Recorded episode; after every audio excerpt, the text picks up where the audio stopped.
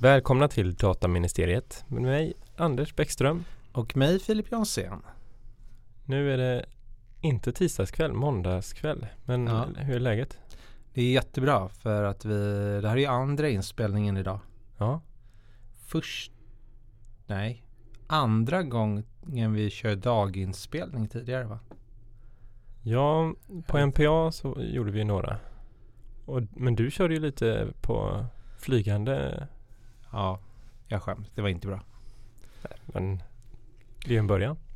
Och vi hälsar vår gäst välkommen Monica Wendleby Tack. Roligt att vara här. som nu senast är aktuell med boken Dataskyddsförordningen GDPR för dataskydd och andra ansvariga. Tidigare har skrivit en annan GDPR-bok som då hette GDPR förstå och tillämpa i praktiken tillsammans med Dag Wetterberg. Wetterberg. Men den här skrev du själv, Yes. helt själv. Ja, självklart. Hur kändes det?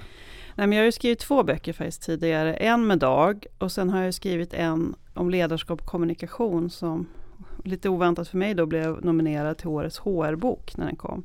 Tillsammans med Isabelle Runebjörk. Eh, Så jag har ju skrivit böcker med två, ja, två intressanta omgångar, två bra samarbeten.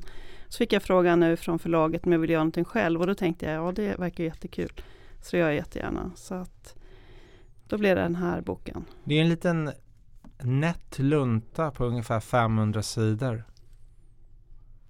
I färgglad förpackning. Jag gillar färger. Jag gillar också färger. Men det tycker jag märks i, i dina böcker när jag har bläddrat igenom dem. Att det är väldigt mycket härliga bilder och så här. Ja, Figurer och eh, vad ska man säga, flödesscheman och processkartor och liknande. Med fina färger. Nej, Jag har ju gjort alla bilderna i båda böckerna ursprungligen och sen har ju förlaget och de har en jätteduktig illustratör Mm. som då utifrån mina bilder sen har snofsat till dem lite grann. Men jag gillar att tänka, jag har upptäckt det, jag gillar att tänka i bilder och jag upptäckt att det är mycket lättare att förklara juridik också i bilder. Mm. Och den här till skillnad från den förra boken är ju en, Den förra boken var också praktisk. I alla fall i del två av boken. Den här är väl som jag tycker ännu mer praktiskt lagd. Det är ett litet avsnitt om GDPR såklart. Lite bakgrund, fakta, juridik. Men- Absolut. Större delen är ju tillämpning och för dataskyddsombud och, och liknande roller.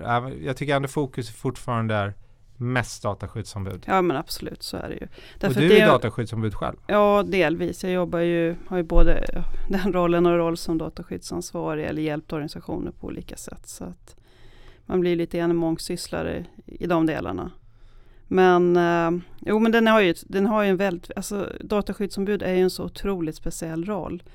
Jag det var helt fascinerande när jag började titta på den, för det finns ju ingenting någonstans som liknar det, utan det är så en mix av massa olika saker som går ihop. Så att, uh, jag tyckte det var lite utmanande. Därför eh, la jag ner ganska mycket tid på juridiken just kring dataskyddsombud i den här boken. Vilket jag inte gjorde i den förra.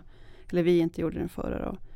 Utan uh, här kände jag att ja, man, det var en sån här sak som för mig är helt naturlig när man jobbar med Alltså eftersom jag har varit domare så många år och jobbat både på kammarrätt som kammarrättsråd och i förvaltningsdomstol som rådman så känner man ju det här med integritet. Hela domarutbildningen handlar ju om att ha integritet och, och eh, fru justitie är blind och veta vad man gör och inte gör. Men, men för eh, Alltså när jag är ute och pratar om det här med, med andra, när jag utbildar. Det här är ju ett jättesvårt begrepp. Alltså vi kör ju Domarutbildningen är väl, eller var väl på min tid i alla fall tre år nästan. Om man då, då räknar jag inte notarietiden utan den formella domarutbildningen. Så att eh, det är klart. Och så helt plötsligt ska massa människor tillämpa det här. Man är van att tillämpa en lydnadsprincip och annat sånt där. Så att det tyckte jag var lite intressant. Jag tyckte repressalieförbudet är jätteintressant. Um, jag tycker att det finns ja, massa andra. Sekretessreglerna tycker jag också är, lite intressanta och lite knepiga. Och jag tror inte heller att de är riktigt rätt införda.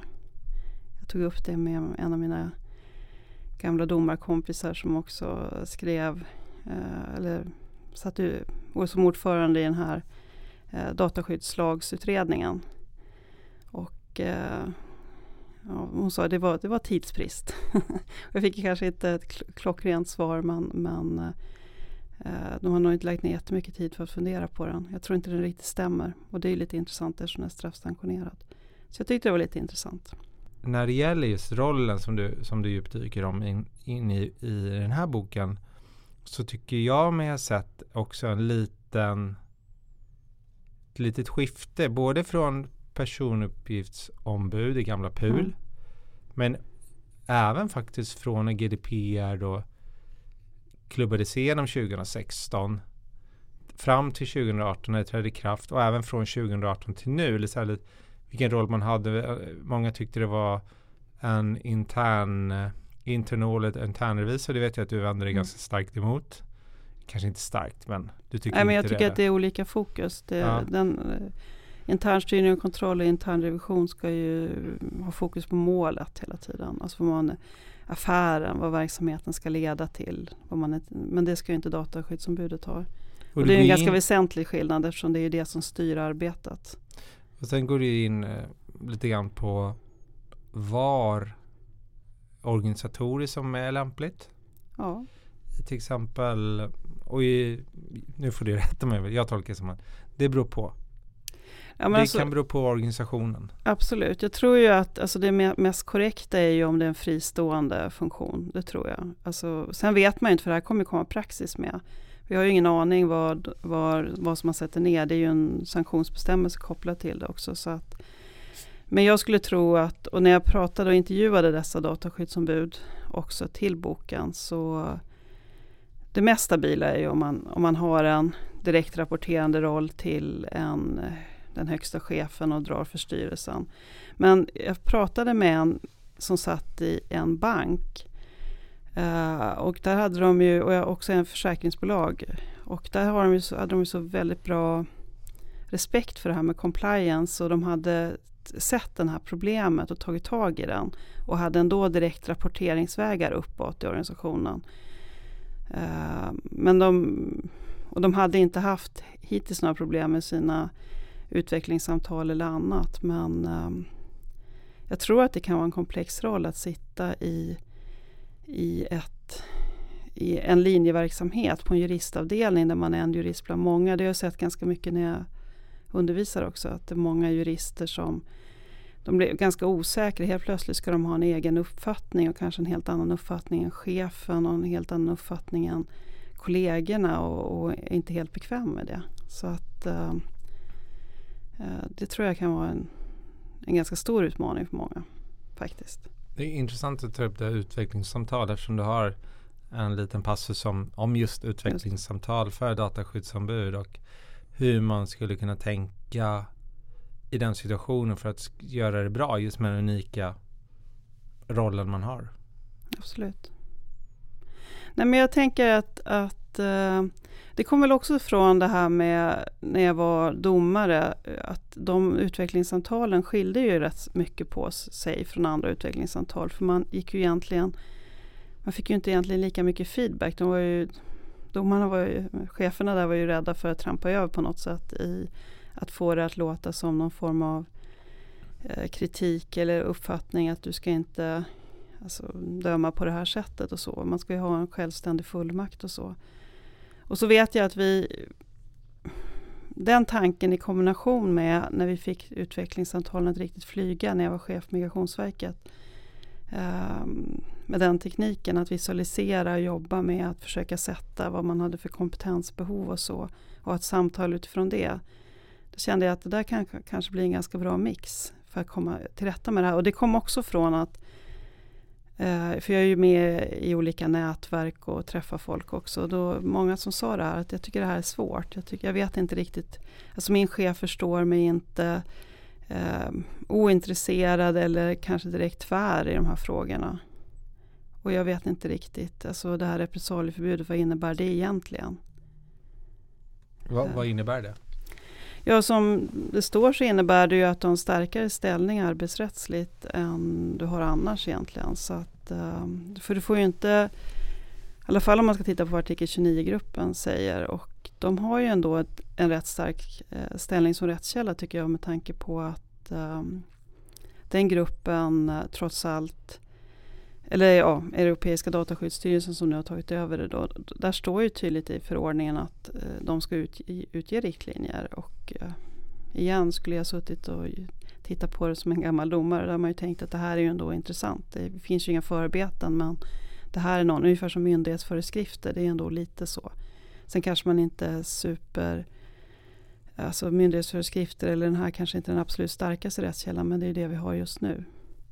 Men när de tolkar det så säger de ju att, ja, men, att du missar en befordran eller får en sämre utveckling eller missgynnas på något sätt kan också vara ett brott mot det här. Så att jag tycker att det Eh, och då börjar jag tänka också lite grann att säg att du får en tillfällig anställning, att du har en ett provanställning. Kan du verkligen då inte få, alltså kan du bli, måste lämna den då på grund av att du har varit lite obekväm och tagit upp konstiga synpunkter? enligt organisationens tycke. Det är tveksamt. Och så är det ju skadeståndssanktionerat antagligen med tanke på att bestämmelsen säger att vem som helst kan eh, eller den som, en person som drabbas kan begära skadestånd. Och då är det ju inte svenska skadeståndslagen vi talar om utan det är ju en tvingande förordningstext eh, med ett helt annat uppsåtsbegrepp och en helt annan omvänd bevissituation. Så att jag tror det kan bli en del sådana intressanta processer också så småningom. Ja, det tror jag med. Men jag tror att du har helt rätt i din tanke att, att rollen, alltså jag tror rollen kanske har varit likadan i förordningen hela tiden, men jag tror att man började ganska mycket och tror att det var gamla pulombud som det handlade om. Uh, och så sen så kräver det rätt mycket att man sätter sig ner och reflekterar över det. Vad är det här egentligen för roll? För att den är ju, den är ju lite speciell och lite udda så att jag tror att man, dataskyddsombuden bara blir mer och mer medvetna så det blir helt andra diskussioner nu. Det är så jag upplever det. Vilken roll tycker du ligger närmast?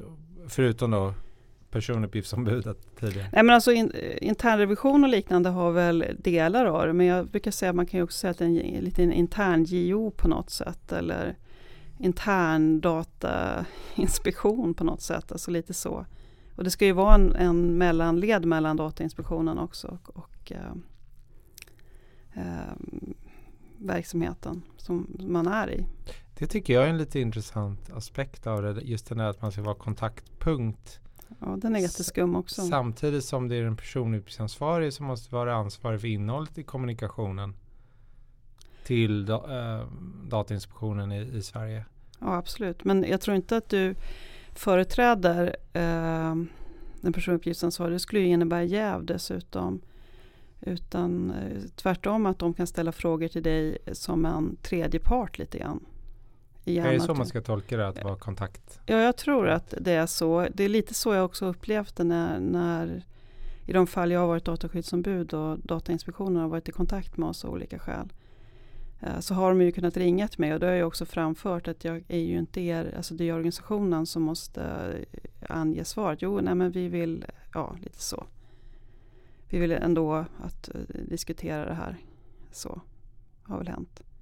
Trevliga samtal och inte alls i, i konflikt med vad organisationen tycker eller tänker i de fallen. Men, men ändå. Jag tror var det här att, efter GDPR? Det här var efter GDPR. Det var när jag var dataskyddsombud. Så att... Uh, så att jag tror att det där är också en lite, jag tror inte att Datainspektionen heller kanske riktigt vet hur den här rollen ser ut. Men också att man inte har sekretess mot dem, men man har det mot organisationen blir också lite udda. Mm. Uh, och också att sekretessen blir relativ, för man får berätta, får berätta för en tillsynsmyndighet som kan göra någon jättestor grej av den, vilket är lite udda. Och då tänker jag att du som är registrerad berättar om någonting och så vill du absolut inte att det här ska bli känt. Och du har sekretess mot alla utom Datainspektionen som kan göra jättegrej av beslutet. Men, I, I, ett beslut, i ett sanktionsbeslut.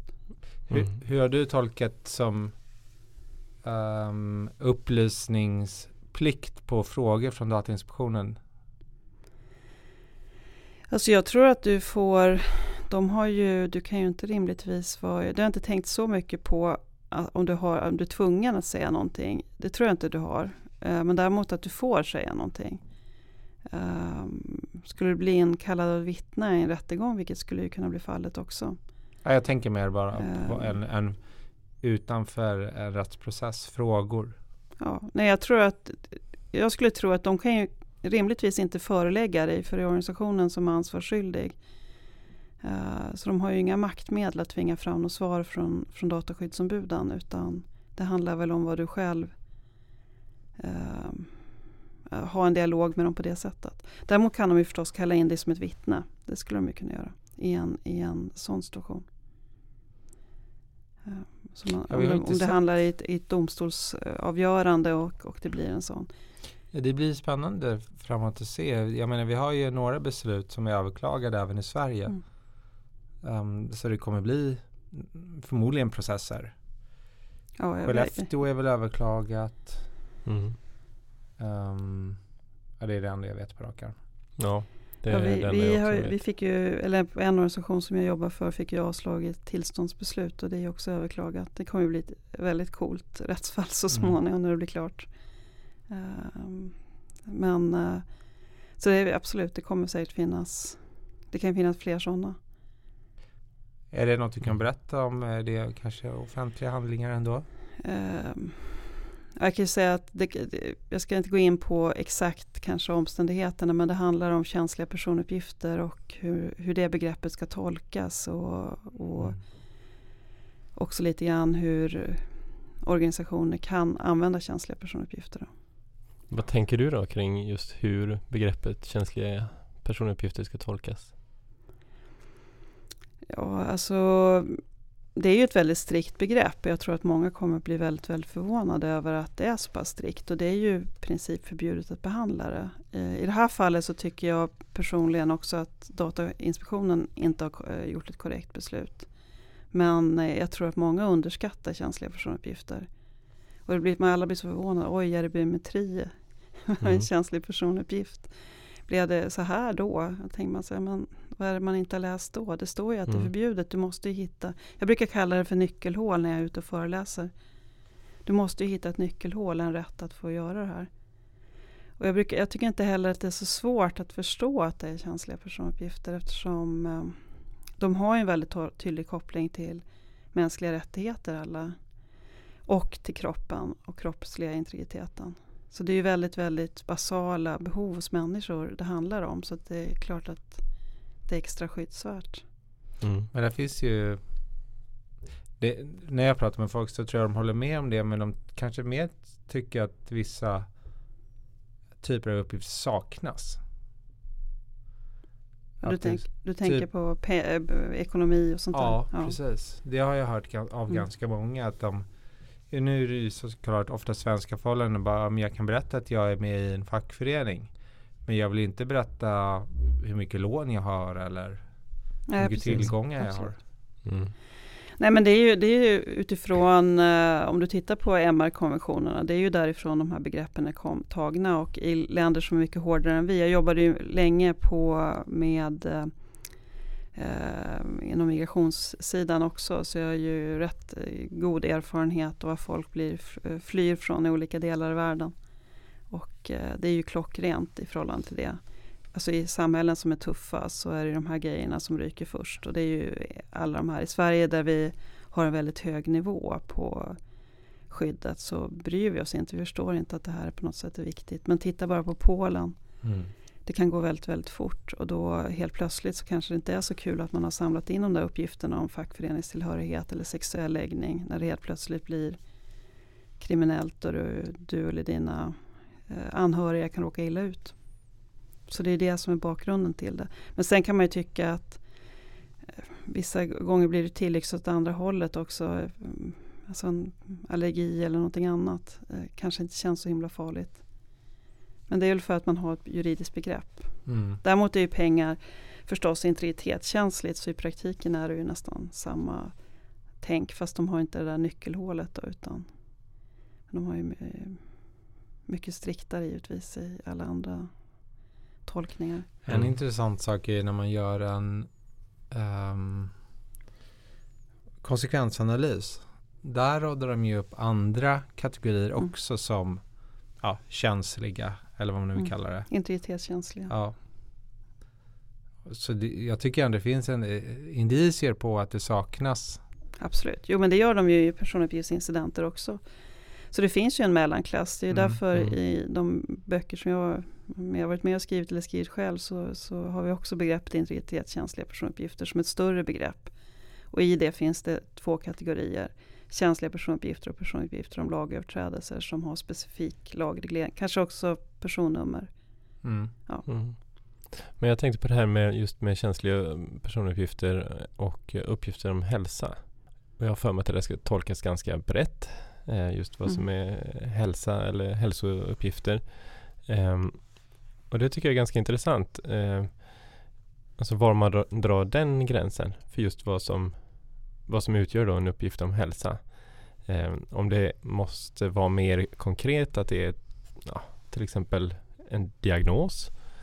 Eller om det räcker med att eh, man köper en viss tjänst. Alltså jag tror att, eh, att i alla fall det där första rättsfallet, det var väl ett svenskt rättsfall som var en av de första som handlade om de där konfirmanderna. Eh, eller den där eh, ungdomsledaren som var, eller frivilligarbetaren eller vad han var för någonting som jobbade i, någon kyrka. Och så la han upp massa personuppgifter på en hemsida så blev det ett rättsfall. Och där skrev just domstolen att det skulle vara väldigt vitt tolkat och det räckte ju att det, det stod att någon var sjuk. Det behövde ju inte vara så mycket mer än det. Men sen är det ju en intressant fråga om man lägger ihop flera. Alltså säg att du till exempel eh, profilerar på vad du gör för inköp Mm. på eh, Konsum när du är där. Och så köper du jättemycket saker som är hälsorelaterade. Du kanske kan dra slutsatsen att du är sjuk. Mm. Eh, och det blev en sån här spännande fråga. Men det rättsfallet gick ju ganska långt. Och sen tycker jag att det är lite intressant också att det står kan avslöja ändå i själva paragrafen. Mm. Eh, för det är ju likadant om du tar till exempel, jag jobbar ju mycket med Svenska kyrkan då som dataskyddsombud till exempel. Kan avslöja religiö- religiös uppfattning. Alltså, många säger, ja men vi är inte så religiösa i Sverige. Alltså bara Mm. att man konfirmerar sig behöver inte innebära att man är religiös. Men det kan ju avslöja det. Mm. Är du på en bild där du med och tar nattvarden så kan du väl avslöja religiös tillhörighet. Mm. För det, där känns ju som att i eh, den allmänna uppfattningen så är det ju en skillnad mellan vad man kanske mer kan beskriva som aktivt troende och Mm. alltså en eh, ja, religiös tillhörighet egentligen. Absolut. Men, Men, mm. men som sagt, det kan ju avslöja. Sen tror jag det finns ju grader av hur känsliga de här Alltså känsliga personuppgifter som är riktigt integritetskänsliga blir säkert ännu värre att, att missköta än känsliga personuppgifter som är lite mer harmlösa. mm. Eh, Ja. Skulle jag gissa, men det får vi ju se. Det blir jättespännande att se när domstolarna börjar komma igång. Men det kommer väl att ta ett tag innan det börjar komma praxis. Ja, men precis. Äh, för anledningen, till att jag funderar en del på det där är ju att jag, eh, jobbar som dataskyddsombud i ett vård och omsorgsbolag.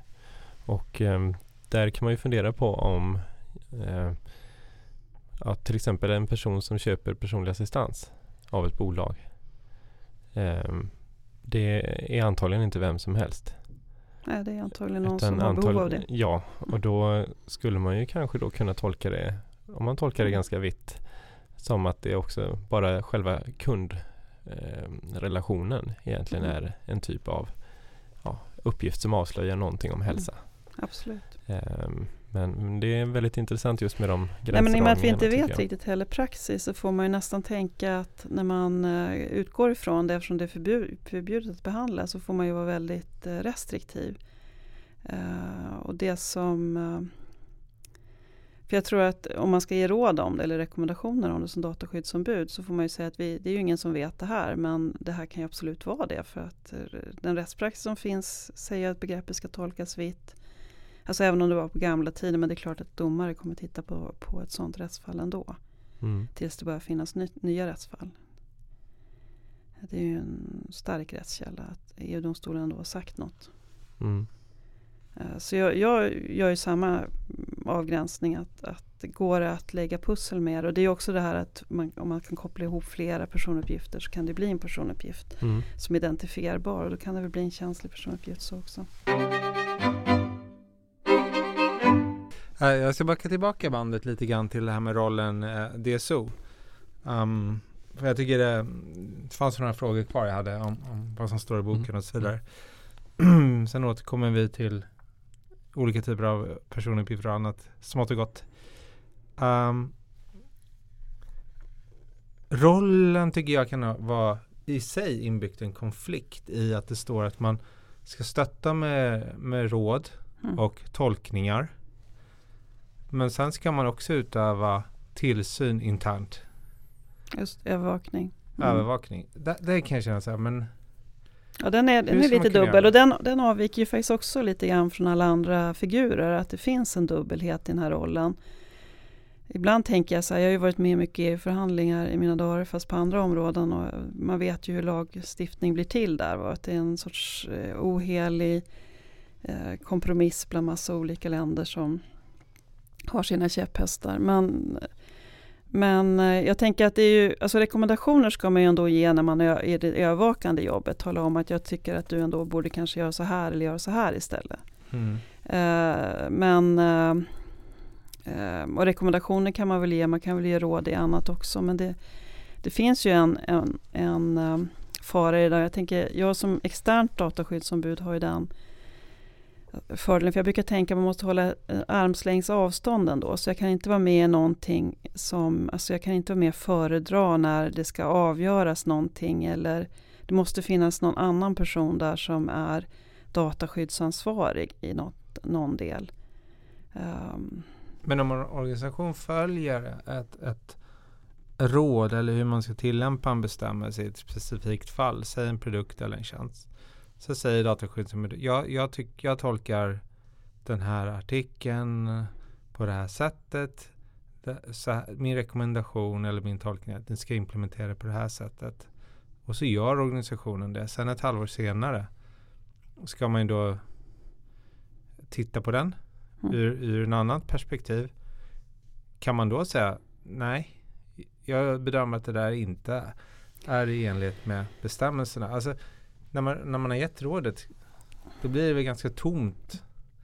Jo men är... absolut och, det, och då förutsätter det att man bara ger sina rekommendationer i uh, rapporterna. Men jag tror att när jag tittar på hur rollen är formulerad så tror jag att man kan nog tänka att man kan ge rekommendationer fortlöpande hela tiden. Men det var exakt om jag menade, det blir inte konstigt att övervaka dem senare. Jo men alltså du kan ju tänka att alltså, du kan ju också ha fel och du kan ju faktiskt inse att du har fel och ändra en rekommendation. För det kan ju komma nya rättsfall eller du blir övertygad genom ett samtal med någon att det där var ju mycket klokare än jag själv tänker och då får man ju justera givetvis.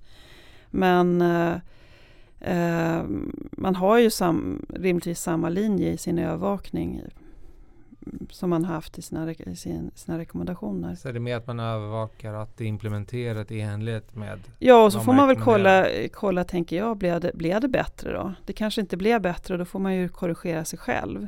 Det får man ju inte vara rädd för att tänka att ja, men det här kanske inte ledde till de här effekterna.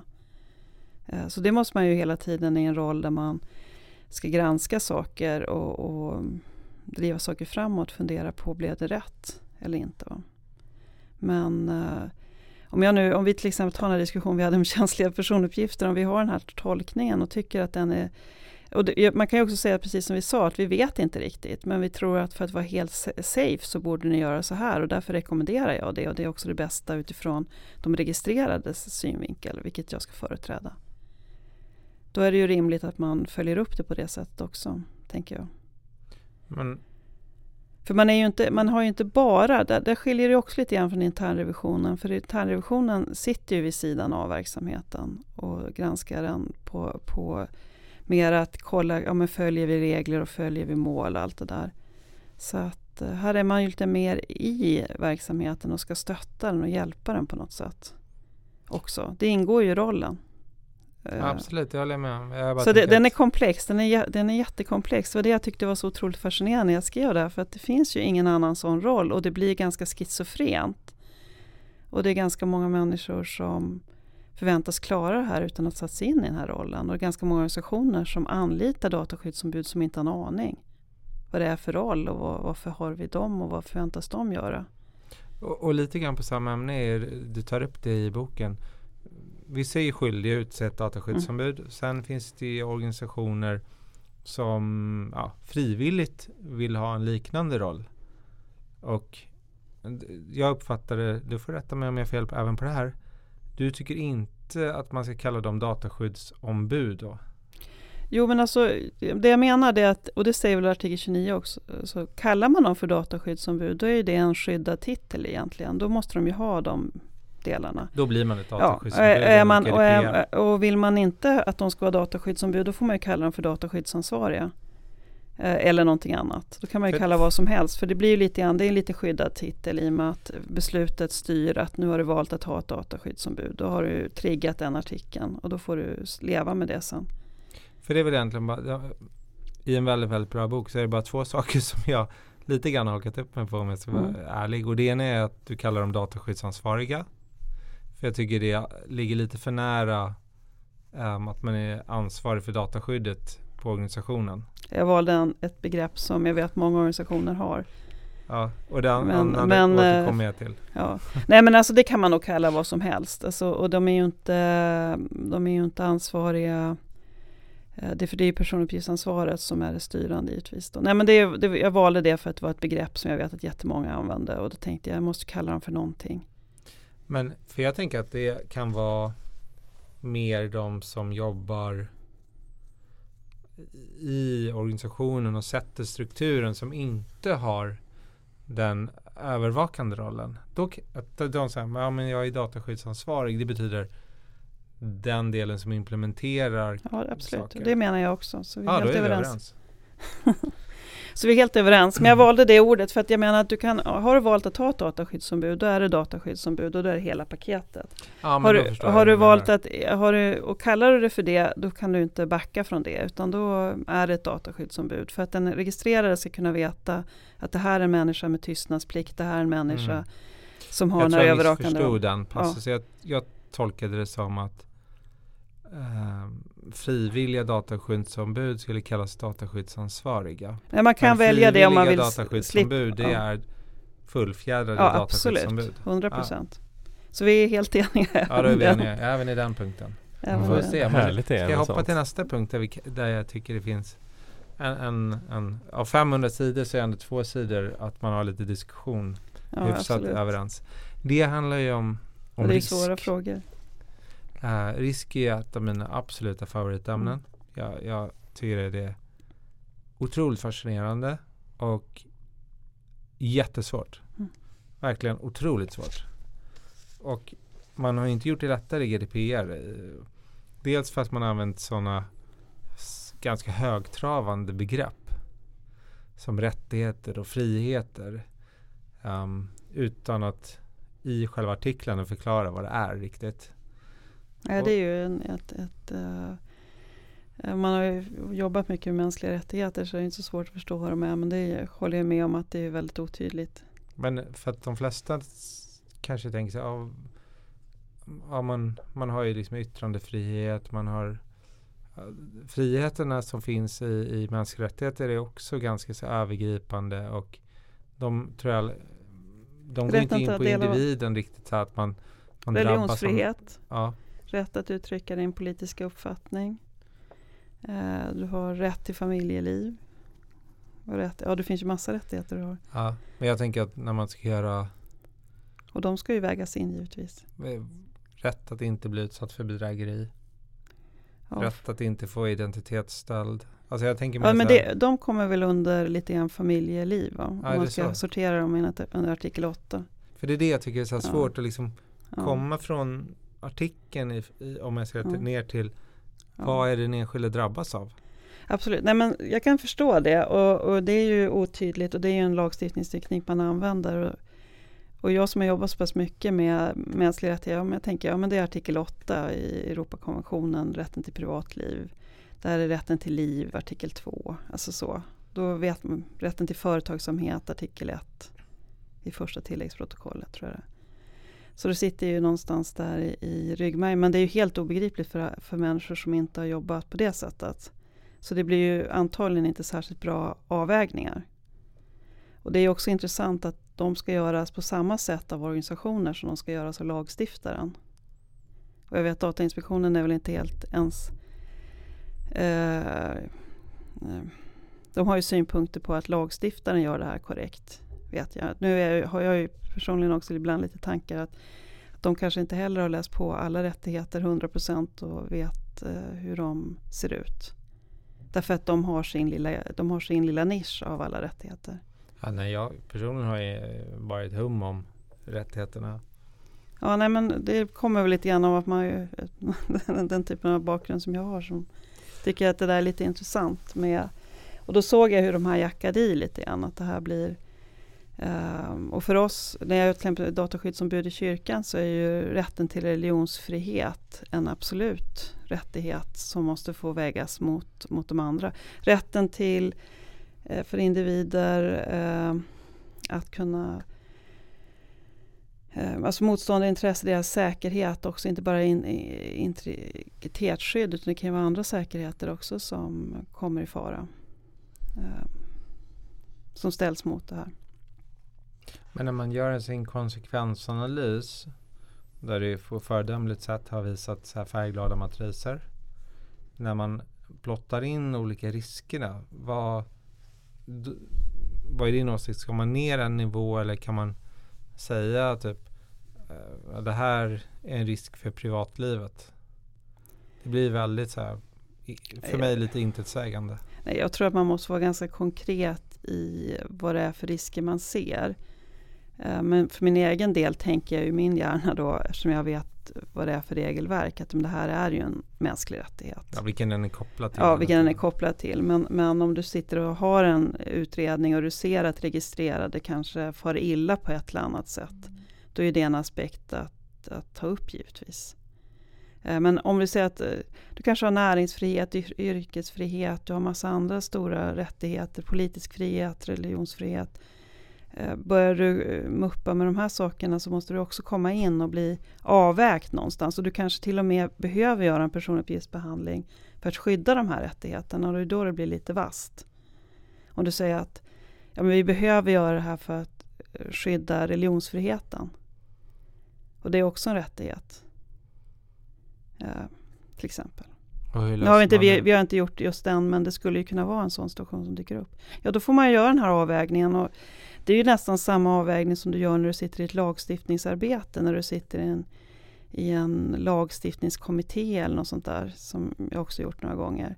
Då sitter du och gör de här professionalitetsbedömningarna och så. Där sitter ju massa domare från högsta instansen och där sitter massa kloka människor. Så ska de här små, till exempel kyrkliga enheterna som jag jobbar med klara av att göra samma bedömning. Så det blir ju lite så här äh, upp och nervända världen någonstans. Alltså man har lagt ett väldigt tungt ansvar på väldigt komplex juridik på, på väldigt små funktioner. Mm. Så därför tror jag man måste förenkla det så mycket som möjligt annars blir det här inte det blir inte bra gjort någonstans. Men när man gör den här konsekvensanalysen som de här små enheterna ska göra eller Ja, eller större. Eller, eller, eller, ja, men det kan vara ett företag också som inte alls är van vid lagstiftning. Ja, dessutom kommer ju så konsekvensanalyserna göras av olika avdelningar och olika enheter. Ja. Så det blir samma effekt att de är ovana. Ja. Konsekvensanalysen ska ju utgå ifrån sannolikhet och allvarlighetsgrad av en risk för en registrerades rättigheter och friheter som vi nämnde. Um, och då, då, min fråga är egentligen, för sen nämner du att när man presenterar för en styrelse så använder du ekonomisk skada och förtroendeskada som begrepp. Hur gör man den bryggan mellan de två? Ja, du menar, så, menar du konsekvensbedömningen, den är ju inte den som normalt är uppe i... Nej, men jag, jag tänker så här, när jag försöker kommunicera med människor så försöker jag använda ord som de förstår. Jag har ju suttit i ledning rätt mycket och då har jag tänkt att man får hur många föreläsningar som helst om alla tänkbara saker och de är mer eller mindre eh, alltså de går mer eller mindre in i de som sitter runt bordet för de förstår ibland inte vad man pratar om. Och så att jag tänkte på vad är det för, le, vad är det för någonting som ledningar, eh, vilka begrepp är det som alltid är uppe på deras bord? Och det ena är ju ekonomisk, eh, alltså budgeten, ekonomiska risker, vinster, intäkter, allt det där. Det andra är ju förtroendet, alltså varumärket, eh, hur man uppfattas. Ehm, och det tredje är ju målet eller affären eller högsyftande ändamålet man har med sin verksamhet. Det är ju helt borta. Men då tänkte jag de andra två, går de på något sätt att, att um, skruva, använda det, det begreppet för att nå fram till ledningen? Och då tycker jag att ordet ekonomisk skada är ju rimligt att använda eftersom eh, man också kan titta på sanktioner och allvarlighetsgrad. Sanktionerna är ju uppdelade på allvarlighetsgrad givetvis. Då, och, och, eh, men de, de är, går ju också att översätta till och det går ju också att översätta en skadeståndsanspråk eller advokatkostnader och sådana saker till ekonomisk skada. Och det kan man ju peka på att har man inte skött ett ska-krav så eh, finns väl stor risk att du får en sanktion. Mm, eftersom, och särskilt om det ligger på högsta sanktionsnivån. Eh, däremot förtroendeskada, då tänkte jag så att, att eh, varumärket handlar ju egentligen bara om kundernas och medlemmarnas förtroende för verksamheten egentligen, allmänhetens. Och man röstar rätt snabbt med fötterna om man får på något annat sätt. Och det är ju precis de som är de registrerade. Även det interna varumärket, de anställdas uppfattning av sin arbetsgivare, schystheten som arbetsgivare, och allt det där. Eh, så då, jag tycker om begreppen, jag gör ju den i mina rapporter, förklaringen att de kopplar på det sättet. Det ena kopplar väldigt tydligt mot den registrerades rättigheter och den registrerades syn på verksamheten som blir då konkretiserat i förtroendeskada. Och på det sättet så har jag upplevt att eh, jag når fram till styrelserna för de förstår mitt språk och, och jag kan få dem att göra någonting som de annars antagligen inte skulle förstå för det skulle bli för tekniskt och då tappar du helt målet. Då upp, åstadkommer du ingenting. Så att jag, jag som inte tagit dem helt random utan de är tagna utifrån en koppling till förordningen men med ett språk som gör att de kan begripa det.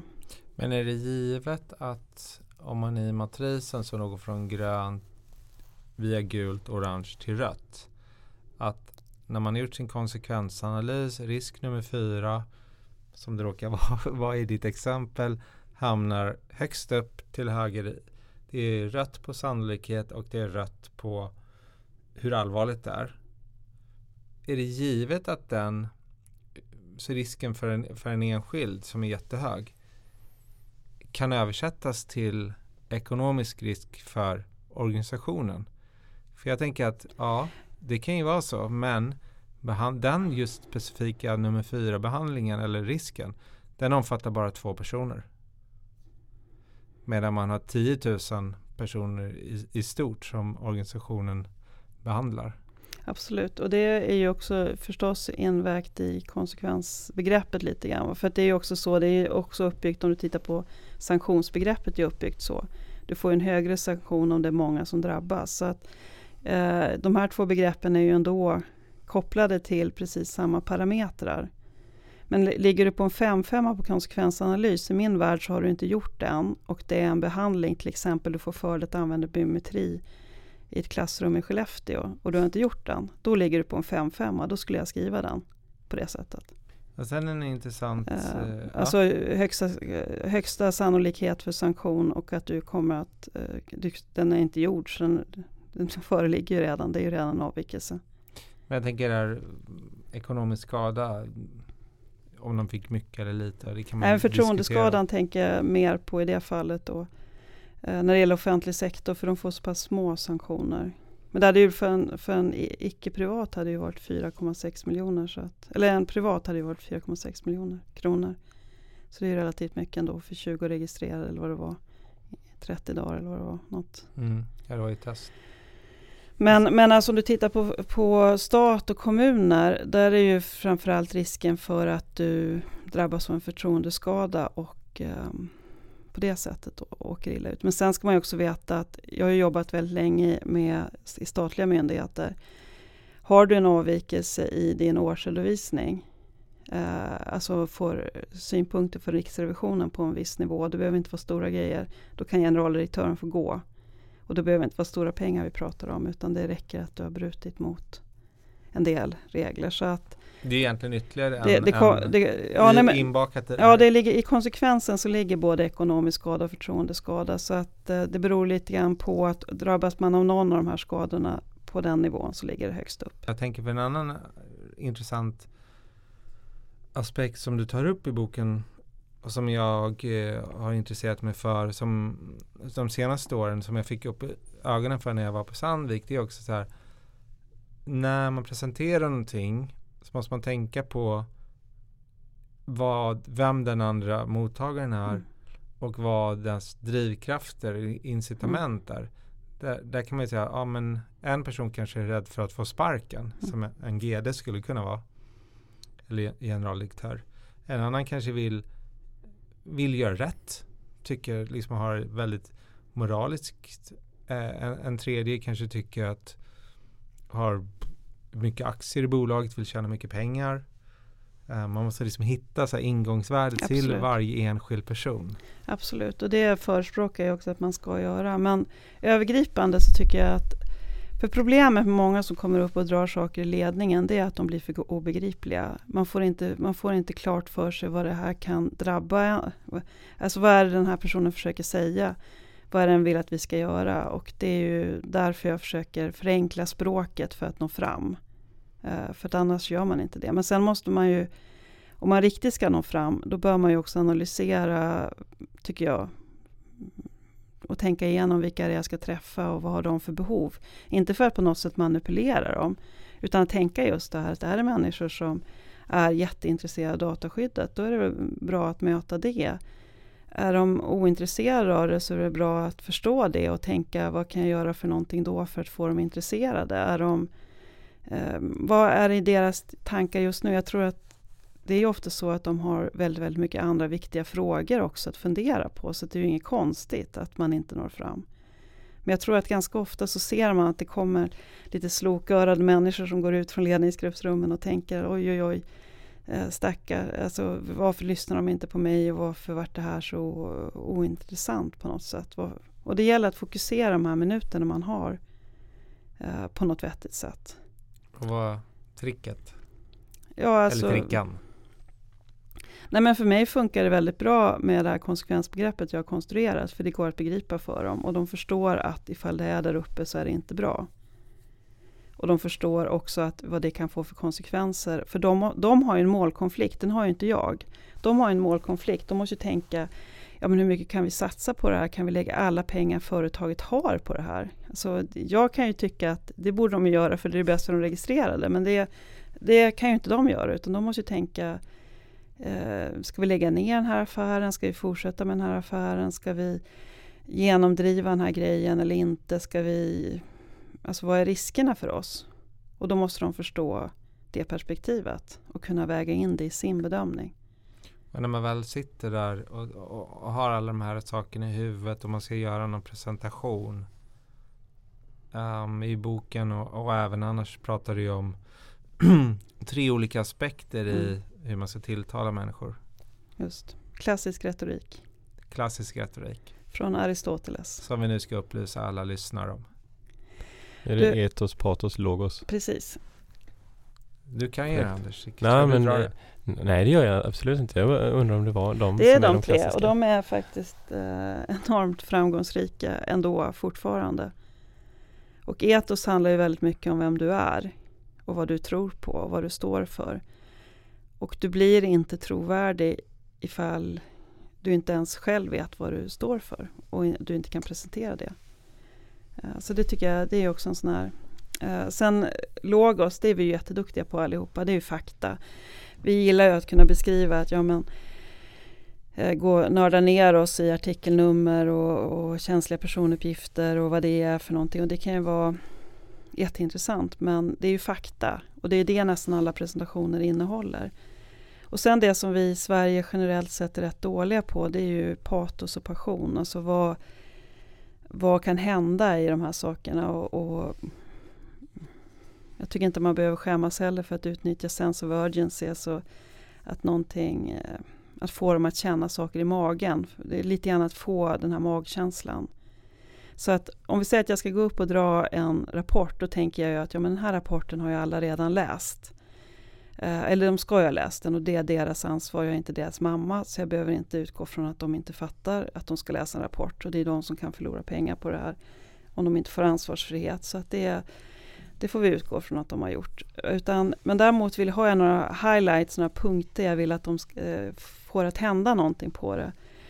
Och ett bra sätt då, eh, som jag faktiskt inte skriver i boken men som jag brukar använda ganska ofta, det är att göra eh, min synpunkt som om det vore en första sida på Dagens Nyheter.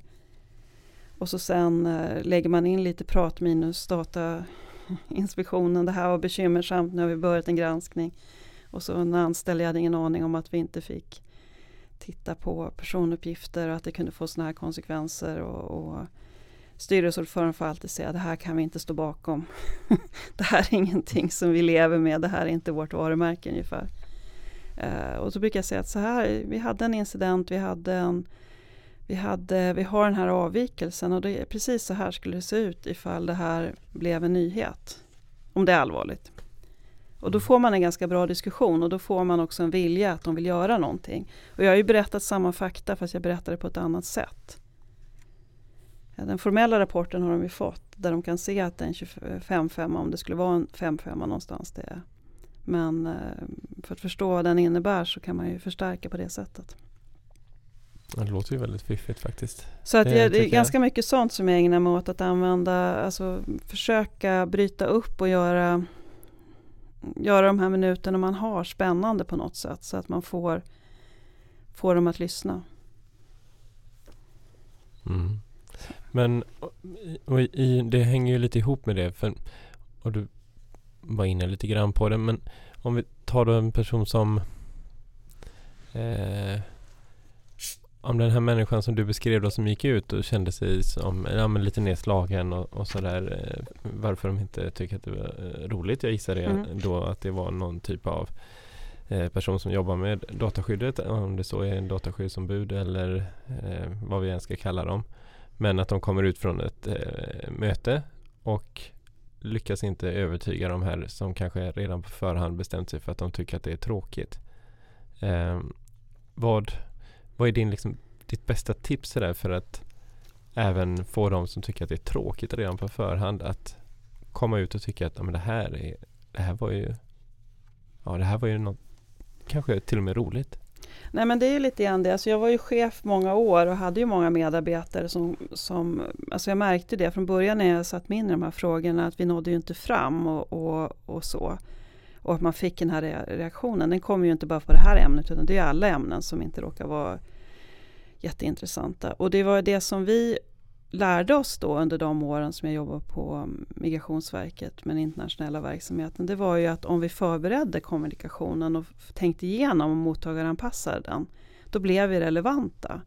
Och också att vi tog bort den här gränsdragningen vad, hur en presentation ska se ut och vad man förväntar sig. Utan gjorde en relevant presentation men på vårt sätt lite grann. Det var det jag menade med den här nyheten. Men jag vet vid ett tillfälle så fick mina medarbetare, eller alla avdelningar på, fick ett uppdrag från generaldirektören. Nu får ni en väldigt lång tid, fick en hel timme på oss att presentera vår verksamhet, vilket var lite chocking. Uh, eh, och då ska det, för han var ny och han ville veta hur den skulle se ut. Och då så sa jag till medarbetarna att ja men, ni vet vad vi ska göra. Vi ska, mm, ni, får, ni får helt fria tyglar och surprise me, alltså the sky is the limit, vi får se vad ni gör. Då kom de ut och presenterade den verksamheten som International News Hours hade gjort en, en nyhetsredaktion och de hade medarbetare, jag hade internationell verksamhet som jag ledde då. Vi hade medarbetare runt om i världen som gjorde sådana inslag från, eh, på, från massa ställen och stod och intervjuade varandra och sådär. Så det blev jättehäftigt och efter det så sa generaldirektören att det här var det, det, det, det enskilt mest eh, intressanta inslag han hade lyssnat på i sin tid som generaldirektör överhuvudtaget. För att här fick han verkligen förståelse för vad det handlade om. Och vi presenterade precis samma fakta som vi skulle ha gjort på en powerpoint-presentation. Så att lite grann eh, att tänka att bygga upp sitt eget självförtroende också. Bygga upp varför, varför gör jag det här? Vad har jag att säga? Vad är viktigt för mig? För jag tror att i den här analysen, vad är mottagarna för några? Så är det också viktigt att tänka på vad är det för människor? Alltså vad jag, har jag för behov? Vilka frågor är viktigast för mig att komma ut härifrån och ha lyckats med? Och skulle den frågan vara det här är absolut viktigast och jag vet att jag har så här lite tid och jag vet att de har det här ointresset. Eh, då kanske jag inte ska fokusera på mer än den frågan och nå fram på den. För får jag ett genomslag på en fråga så kommer de lyssna bättre nästa gång. Så det handlar om lite grann att göra den här analysen också på sina egna behov för att man kanske känner sig otillfredsställd för att jag hade den där viktiga saken som de verkligen inte fick missa och så kom den bort i bruset på något ställe. Det kan man också fokusera på. Men sen också att våga bryta mönstret kanske lite grann och våga göra andra saker också. Och det är därför jag tror att, att uh, i, i den andan när jag då funderar på hur jag ska formulera riskbegreppen så att de blir begripliga så tänkte jag att ja, då formulerar jag på ett sätt så de förstår. Då har jag ju tagit bort ganska mycket av den föredragningstid jag annars skulle få ha att förklara ett annat tekniskt begrepp som de ändå inte kommer förstå. Så det är lite grann så jag fungerar när jag jobbar, att jag försöker förenkla och försöker tänka. Jag kan jag bryta det. ner någonting som är komplext som mm. fortfarande blir korrekt men att göra det mycket enklare så tycker jag att det är lite roligt. Ja, det är ju både roligt och utmanande får man säga. Ja, men jag tror att alltså jag var ju precis som vilken annan jurist som helst. Jag hade ju inte tänkt på de här sakerna överhuvudtaget. Sen råkade jag bli chef för en internationell verksamhet. Och vår förmåga att nå fram handlar ju om vår förmåga att eh, kommunicera egentligen. Det var ju det mm. vi jobbade med och jag hade ju ingen utbildning i det och då fick jag ju sätta mig ner och fundera på och lära mig om de sakerna. Men det kan jag tycka när, man, när, jag, när jag läste juridik vid Stockholms universitet på 90 och början på 20, 00-talet så det är väldigt mycket bara juridik. Alltså man läser ju, mm. jag ska säga att allt är bara juridik. Mm. Um, ja, man lärde sig typ skriva lite grann såklart. Mm. Och memos eller promemorior. Men du lärde ju ingenting om den här biten. Hur får du fram ett budskap? Ja men precis och det är det som är lite roligt med de här böckerna också. Därför att det är ju böcker som handlar om juridik. Men det, jag får faktiskt ganska många läsare som inte är jurister.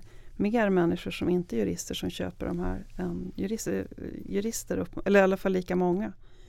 Så att de är populära i båda eh, lägren på något sätt för att det är och jag vet jag har fått flera mejl från studenter som har skrivit så att äntligen någon som skriver juridikböcker så vi förstår med bilder och sådana saker. Så att vi har ju också en någon sorts yrkesgrej att det ska vara, alltså vi lär oss så många år och, vi, och det är ju jättehäftigt att sitta och knäcka rättsfall och se de här sakerna, det tycker jag också, jag är ju också jurist. men, men eh, någonstans så blir det ju väldigt exkluderande, det blir väldigt svårt för andra människor att hänga med i det och man får, det är väldigt svårt att nå ut med det om man tänker så hela tiden. Alltså jag, jag den är otroligt lättillgänglig och lättläst i boken. Uh, den är 500 sidor men jag läste den ju på några timmar. Um, för att den är så behaglig. Ja, nej, Om man jämför med typ när man läser sakrätt. Mm. Håstad, det, det, tog ju typ två veckor att läsa 200 sidor. Mm. Jo men alltså det är lite grann det och det är ju inget självändamål att skriva eller göra någonting så det är obegripligt. Eller att förklara, det är därför jag också gillar att göra det med bilder och sådana saker. Um, därför att Eh, Eh, om man når fram till människor så, så kan ju faktiskt någonting hända. Jag kommer ihåg när jag var domare vid ett tillfälle där jag haft, hade förvaltningsrätten haft samma vårdnadstvist säkert. Alltså vi hade sådana verkställighet av vårdnadstvister. Vi hade säkert kommit tillbaka den femtonde gången samma viten för de skulle hämta och lämna, alltså barn hur de skulle så. Och då skrev jag väldigt basalt vad, vad jag och nämnden tyckte. Och efteråt hände det väldigt oväntat. Det kom fram springande några dagar senare på stan när jag hade meddelat domen. En advokat som kom fram springande som jag inte ens känner och aldrig träffat henne annat än i rätten. Jag måste få ge dig en kram för att du har lyckats få den här tvisten att sluta. De har slutat bråka efter 15 år för de helt plötsligt begriper vad ni säger. Och det tyckte jag mm. ändå, det kände jag mig väldigt stolt över. Att kunna skriva så att de begrep. För det är ju inget ändamål att skriva för parterna om de inte förstår en och inte vill ändra sitt beteende. Nej, det, mm. där tycker jag domstolen har ganska mycket kvar. Nu, nu var det länge sedan jag var notarie men att man använder ju fortfarande väldigt ålderdomliga och krångliga begrepp. Avkunna dom. Mm. Um, ogiltigförklara saker och uh, men alla möjliga saker. Det var ju inte, bara, det var inte en gång man var i en sits där man såg oavsett om Mm. det var en rättslig process eller ett brottmål där parterna satt som frågetecken. Mm. Jo men så, så är det ju någonstans och det är ju lite grann så med GDPR också att ifall du går ut och ska prata om det här och undervisa och du kan jättemycket och du är jättesmart och du utgår från din nivå då kommer du inte nå fram till medarbetarna. Du kommer inte nå fram till de kommer inte förstå det och de kommer inte begripa vad de ska göra. I bästa fall har du lyckats skrämma dem för de har förstått att det finns en sanktion. Men, eh, men någonting annat har du inte åstadkommit. De har ingen aning vad de ska göra. Och, eh, och det är därför det handlar om att förenkla och göra det tydligt. Och, eh, men, men som sagt, det är också kul då att få feedbacken man får även från jurister. Och var någon träffade någon gammal domarkollega som sa att hon höll på att skriva en dom och hade haft stor nytta av den första boken i den uppdelningen i en sekretessfråga. Då tänkte jag, men det är lite coolt ändå att man kan skriva enkelt men det är ändå begripligt för alla olika kategorier. Mm. Eh, Så jag tror att vi har gjort det, alltså, det här är ju också lite grann en fiende för att man ska få eh, en lagstiftning att slå igenom. Att, man, att vi, eh, alltså det är ju jättebra när vi pratar med andra jurister. Det kan behövas också för att det är ett juridiskt argument att vi använder rätt ord och allt det här. Men, men i många sammanhang får man fundera också på um, om, man kan, om man kan göra det enklare. Jag skulle inte alls ha någonting emot att domstolar också började med bilder i sina domar faktiskt. Eller illustrationer. Uh, och när jag själv har varit inblandad i processer som ombud nu så har jag ju ibland gjort illustrationer också för att de ska begripa. Och jag vet ju att med mål föredras så är det ofta, inte alls sällan att det är bra illustrationer och eh, man har ritat upp grejer och så här för att det ska gå att begripa för ledamöterna. Men sen eh, eh, eh när det ska förklaras då ska det bara vara med ord. Um, på tal om att rita upp och använda illustrationer så är du en varm förespråkare av processkartläggning med post-it-lappar i olika Mm. färger. Och eh, jag gillar också processkartläggning och eh, man kan väl säga en sak som vi 100% är överens om är vikten av att vara nära verksamheten. Att man måste, Mm. som det är så, förstå verksamheten för att kunna utöva eh, rollen. Och där är ju processkartläggning en, en ganska viktig del i, i förståelsen. Och då, då blir det så här ömsesidigt lärande. Ja, det är ett otroligt lärande. Alltså man lär sig så otroligt mycket och, och förstår så otroligt mycket. Och så är det väldigt roliga dagar också, om du har erfarenheter också. Att det blir, det blir ju som en energitillskott att hålla på med en processkartläggning och, och man Folk, alltså väldigt många som sitter på den också kanske inte riktigt har förstått vad de själva, alltså vad grannen gör heller riktigt. Så att det blir väldigt mycket så här, är det så här vi jobbar och, och vi skulle kunna göra så här någonstans. Sen har jag väl upptäckt just med dataskyddsförordningen att jag brukar sätta upp sådana rosa post-it-lappar när det är hög risker, när vi inte kan lösa dem. Eller att vi hjälps åt att lösa dem på plats då. Men när det, ibland är sådana här rosa lappar så är det de här grejerna som personalen haft lite ont i magen, som är lite shady, som helt plötsligt får komma upp och lyftas upp och talas om. Um, jag har ju gjort det här på flera ställen, inte bara där jag är dataskyddsombud. Och jag, det har ju förekommit att man har hittat såna här svarta listor. Uh, de här får inte kopplas vidare. Så här, de, de är lite jobbiga människor. Uh, och då um, har ju växelpersonalen tycker det har varit superläskigt. Eh, och inte alls uppskattat den här hanteringen. Och tyckte den varit ovärdig. Och helt plötsligt får de börja prata om den och bara wow. Alltså, eh, så då får man dem att vilja GDPR också för då blir de ju ambassadörer för det känner jag. Men jag tror det, utöver den aspekten med att man lär sig processen tror jag det där, du nämnde sist är jätteviktigt att ganska många sitter och funderar vid sina skrivbord. Och att få prata om olika situationer som man uppstår i, i det kan vara allt från kundtjänst till, till VD. Jag kommer ihåg när jag var, jobbade på Säpo hade vi Mm. införde vi vid våra utbildningar eh, liksom mera så här eh, ett utbyte av känslor. Vad, hur upplever folk? För det här är ju väldigt Mm. integritetskänsliga aktiviteter. hur känner de för de här aktiviteterna? Och prata med varandra. Det är inte alltid de får det där avbrottet i verksamheten och kunna, kunna prata med någon som har en liknande roll. Absolut. Och så visar det sig, aha, och våga. Ja, nej men absolut. Och det, där finns det också det här tipset att komma ihåg det när vi jobbade vid en tillfälle att det är en sak när du frågar hur uppfattar de registrerare någonting och så sitter du och gör teoretiseringar kring det och så vad är det viktigast för en registrerare. Och så sen så säger jag, ja men nu är du den registrerade. Hur skulle du tycka? Och då är det alltid nästan helt andra svar.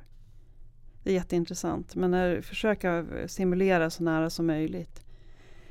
Och går det till och med att ta med någon registrerad och fråga.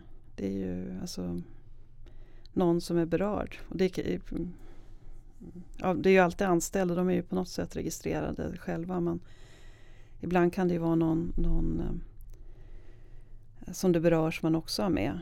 Alltså som är lite mera utomstående. Det står ju, nu kommer jag inte ihåg vilken artikel det är, att om möjligt ska man ju prata med de registrerade.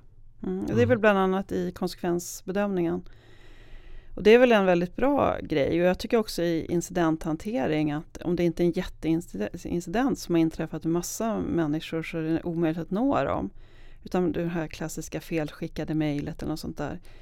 Då är det bättre att, även om du inte behöver för, förordningsmässigt eh, eh, ta kontakt för du kanske kan komma fram till någon sorts riskbedömning att det inte är så. Men eh, jag brukar säga till dem att ja, men om vi ringer till dem och säger att nu har det här hänt och så säger de att det här var inte alls något farligt, då vet vi ju att de inte har drabbats. Då kan vi ju vara helt säkra på att vi inte behöver anmäla och dessutom kommer de tycka att det är trevligt att vi, att vi erkänner att vi har gjort ett fel och att, att vi tar konsekvenserna för det.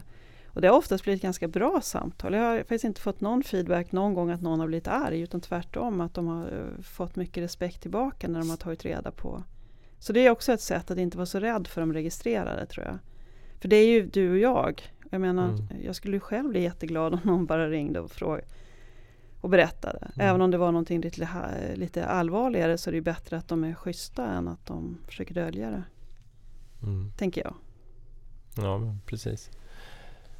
Ja, jag tänkte du, du jobbar som externt dataskyddsombud. Yes. Eh, delvis.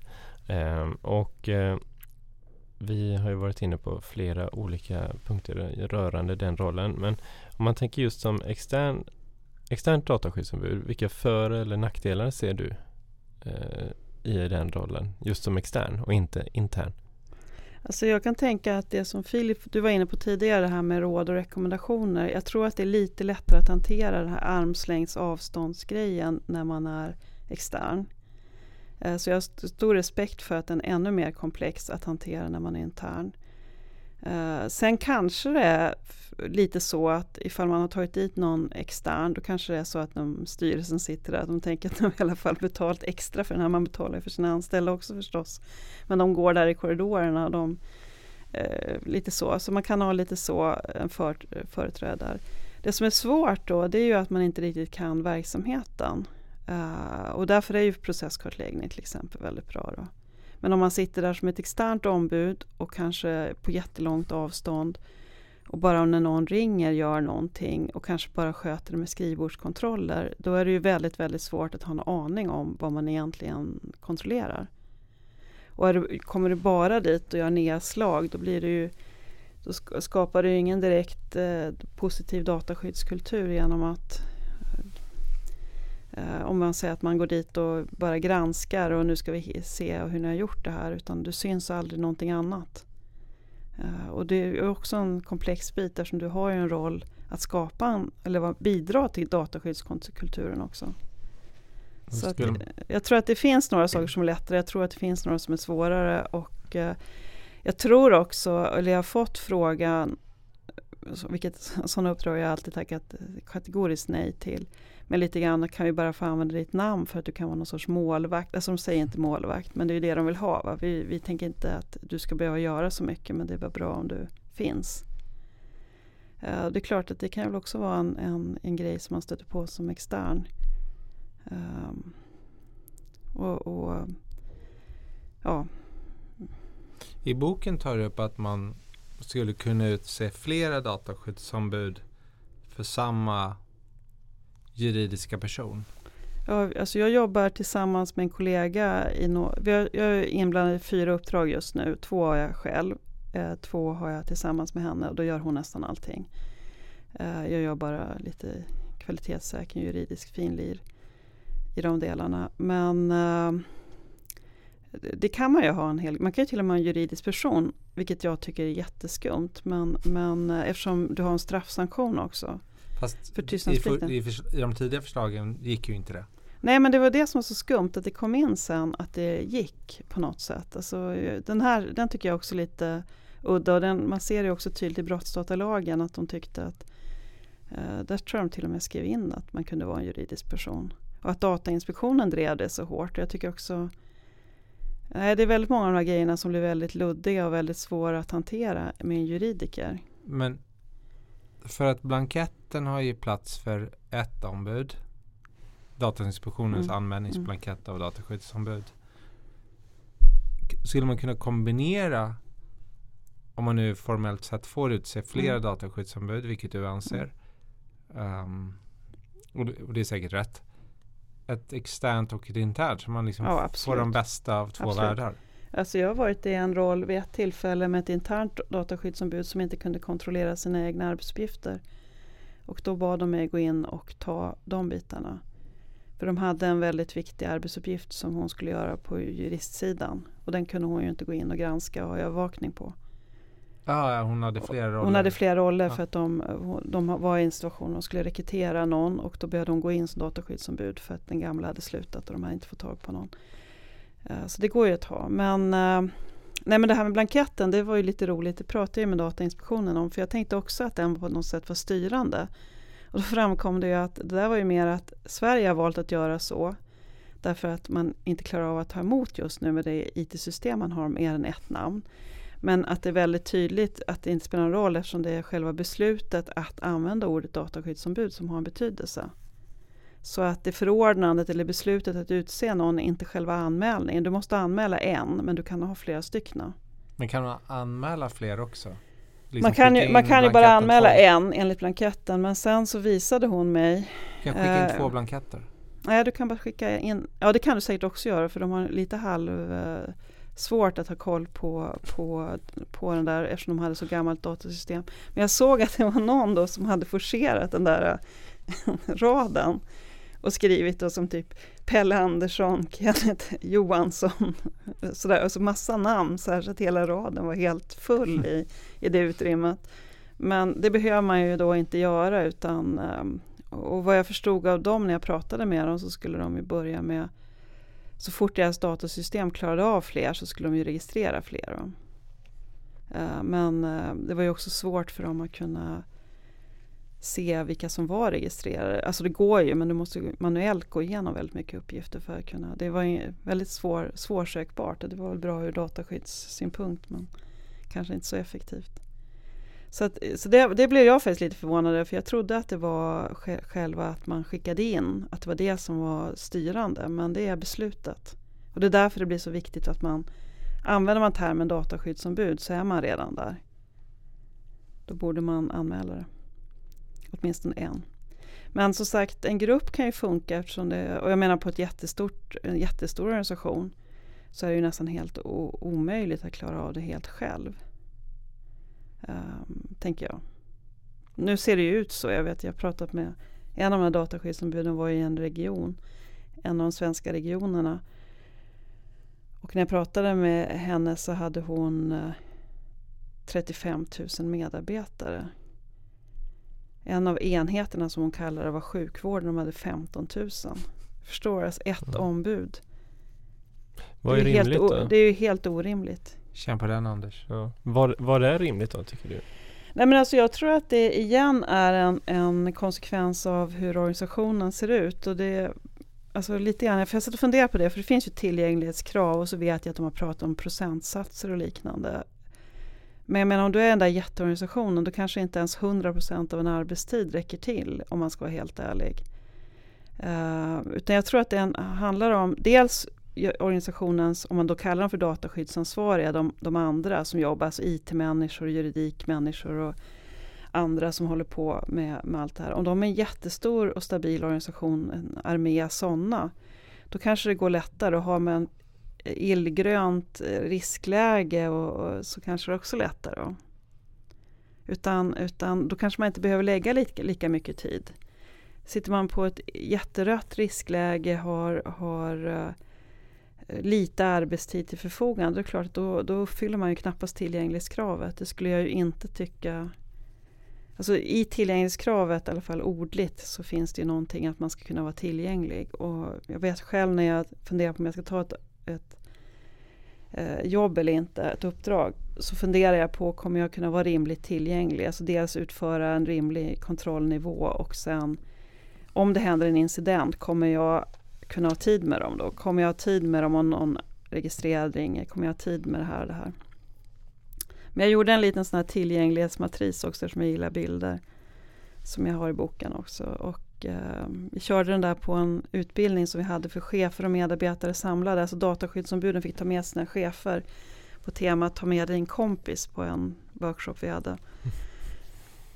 Då var det en kvinna som var högsta chef på ett ställe som räckte, räckte upp handen och tyckte att det var så väldigt tråkigt ordbruk jag hade. För att jag hade satt den här, när man har lite tid och höga risker, som en omöjlig situation. Men jag står fast vid att den är omöjlig.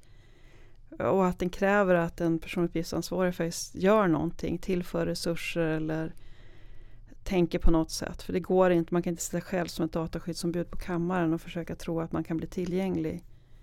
Då kommer man ju gå in i väggen. Eh, och det brukar jag alltid säga också att dataskyddet blir inte bättre för att du har eh, dataskyddsombud eller dataskyddsansvariga som går in i väggen när jag pratar med styrelserna. Utan ni kan inte prioritera allt för då prioriterar ni inget. Den är ju fullspäckad den här. Nu har, tiden rinner iväg. Mm. Den gör det. Um, men jag kan bara rekommendera alla lyssnare att läsa. Ni får läsa saker som vi inte har pratat om som jag tycker är jättebra. Är till exempel mognadsgrad i organisationen. Mm. Um, där du börjar med, har man överhuvudtaget några styrdokument, någonting. Mm. Och eh, det högsta är väl någon typ av självspelande piano. Ja, det är väl det som är en liten lärande organisation. Att, eh, jag förenklar lite grann. Ja, nej men absolut. Och det är ju det som är det svåra. Jag såg att, att ni hade satt upp en fråga om man kunde bli 100% compliant. Eh, och då tänkte jag så här att det kan man ju faktiskt egentligen aldrig bli eh, i någonting. Eh, för det är det som är drivkraften i all verksamhetsutveckling, strävan efter att hela tiden förbättra. Och särskilt när det är så mycket som händer hela tiden, teknikutveckling och så, så kan man ju som aldrig vara riktigt nöjd. Man ska sträva efter 100, alltså man ska ha en vision att vara 100% compliant. Man kommer inte nå dit. Men när man är en lärande organisation och har med sig medarbetarna, då kommer man att kunna ha nycklarna för att kunna komma dit. Om man inte har massa rädda medarbetare som inte vågar bidra med sina idéer utan att det är på riktigt högt i tak. Och jag vet att högt i tak är en sån här varningssignal. För alla ställen jag jobbar på där man säger högt i tak, då menar man att här är livsfarligt att säga någonting. Utan här, här, här kommer det bli halshuggen om du har någon uppfattning som strider mot vad företagskulturen någonstans. Men, men att det verkligen är den här ären av, av eh, att alla får säga vad de vill och man lyssnar in alla men man kanske inte följer, alltså alla kan ju inte ha rätt jämt så men, men alla blir hörda. Um, så att jag tror att, att det är en nyckelbit i det. Att, och det, där tror jag faktiskt också väldigt många skulle kunna uh, få med sig väldigt, väldigt mycket mer dataskyddsarbetet. För att rätt mycket i organisationer står faktiskt också still på grund av att det är konflikter och maktkamper och företagskulturproblem och allt det där. Men vi kan väl bara sammanfattningsvis säga så att har man inte boken så kan man köpa den? Ja. Man kan få låna min också mm. om man vill. Ja, den finns säkert på en del bibliotek också ifall det är så. Den kom ut för två veckor sedan, tre veckor ja, den kom ut, ja, i slutet av januari någon gång kom den ut. De de tenderar att göra det. Jag vet inte, det har blivit så någon sorts eh, Vi gjorde en uppdatering jag och Dag också på, på den första boken så det känns som varje januari så kommer en bok. Och, och förstå och tillämpa i praktiken, den första boken med, mm. med Dag, den, den blev ju en succé. Ja, absolut. Den har ju faktiskt Ehm, blivit lite grann av en juridisk bestseller även om den inte säljer som deckare. Men, men, men Vad- den har ju ändå varit för att vara en, i den genren en, en bok som har Sen eh, det här med hur många timmar man lägger ner. Eh, Många. Att, det är många timmar man lägger ner på en bok så att det är klart att det är svårt att få, få full kickback på det. Men den, den har gått riktigt bra. Och den här, den här känns som att den har börjat gå i alla fall hyfsat. Och så, nu har vi rekommenderat Mm. den. Och eh, en, en, en aspekt som jag tycker också som gjorde mig väldigt glad när du berättade om din bok är ju att dina två barn har korrekturläst. Det tycker jag är en sån här rolig sak för att mina barn är mycket mindre. Mm. Men jag skulle jättegärna också jag tycker om att göra saker med min familj. Mm, det gör jag också. Och de är dessutom Mm. superduktiga jurister båda två. Så att det är inte bara att de har sett stavfel utan, Mm. utan eh, de har faktiskt kommit med en del infallsvinklar också även om de inte jobbar med det här. Mm. Som, ja, men, Ja, det kan jag tänka mig att det är roligt ändå. ja, det är en kick. Ja. Så du får, du får hålla på och fortsätta skriva böcker Filip tills de har kommit upp i den åldern att de kan Mm. korrekturläsa. Alltså ja, nu, min fru är inte sådär superpositiv alltid till att jag sitter och skriver böcker men hon tycker att timpenningen är för dålig. Mm. Ja, men, ehm, Men alltså, det är den ju inte, det är ju roligt. Så Jo, men det är ju det- ett lärande också. Ja, nej, men det är väl ungefär som en podd tänker jag. Att tror- hålla på med en sån också. Att det, det, men det är någonting som man känner lust till att det är roligt. Det är det som driver en. Va? Precis. Vi låter det var bli slutorden tror jag. Det som driver en, det är det som gör att det blir roligt. Ja. Eh, vi får tacka dig så jättemycket för att du vill vara med i Dataministeriet. Hoppas att även den här boken blir men om den andra då ändå inte var riktigt en deckare så hoppas jag att den här blir ungefär så. Ja. Eh, Ja, den är sagt, väldigt spännande. Ja. Och jag kan garantera att alla läsare kommer få på något avsnitt en aha-upplevelse.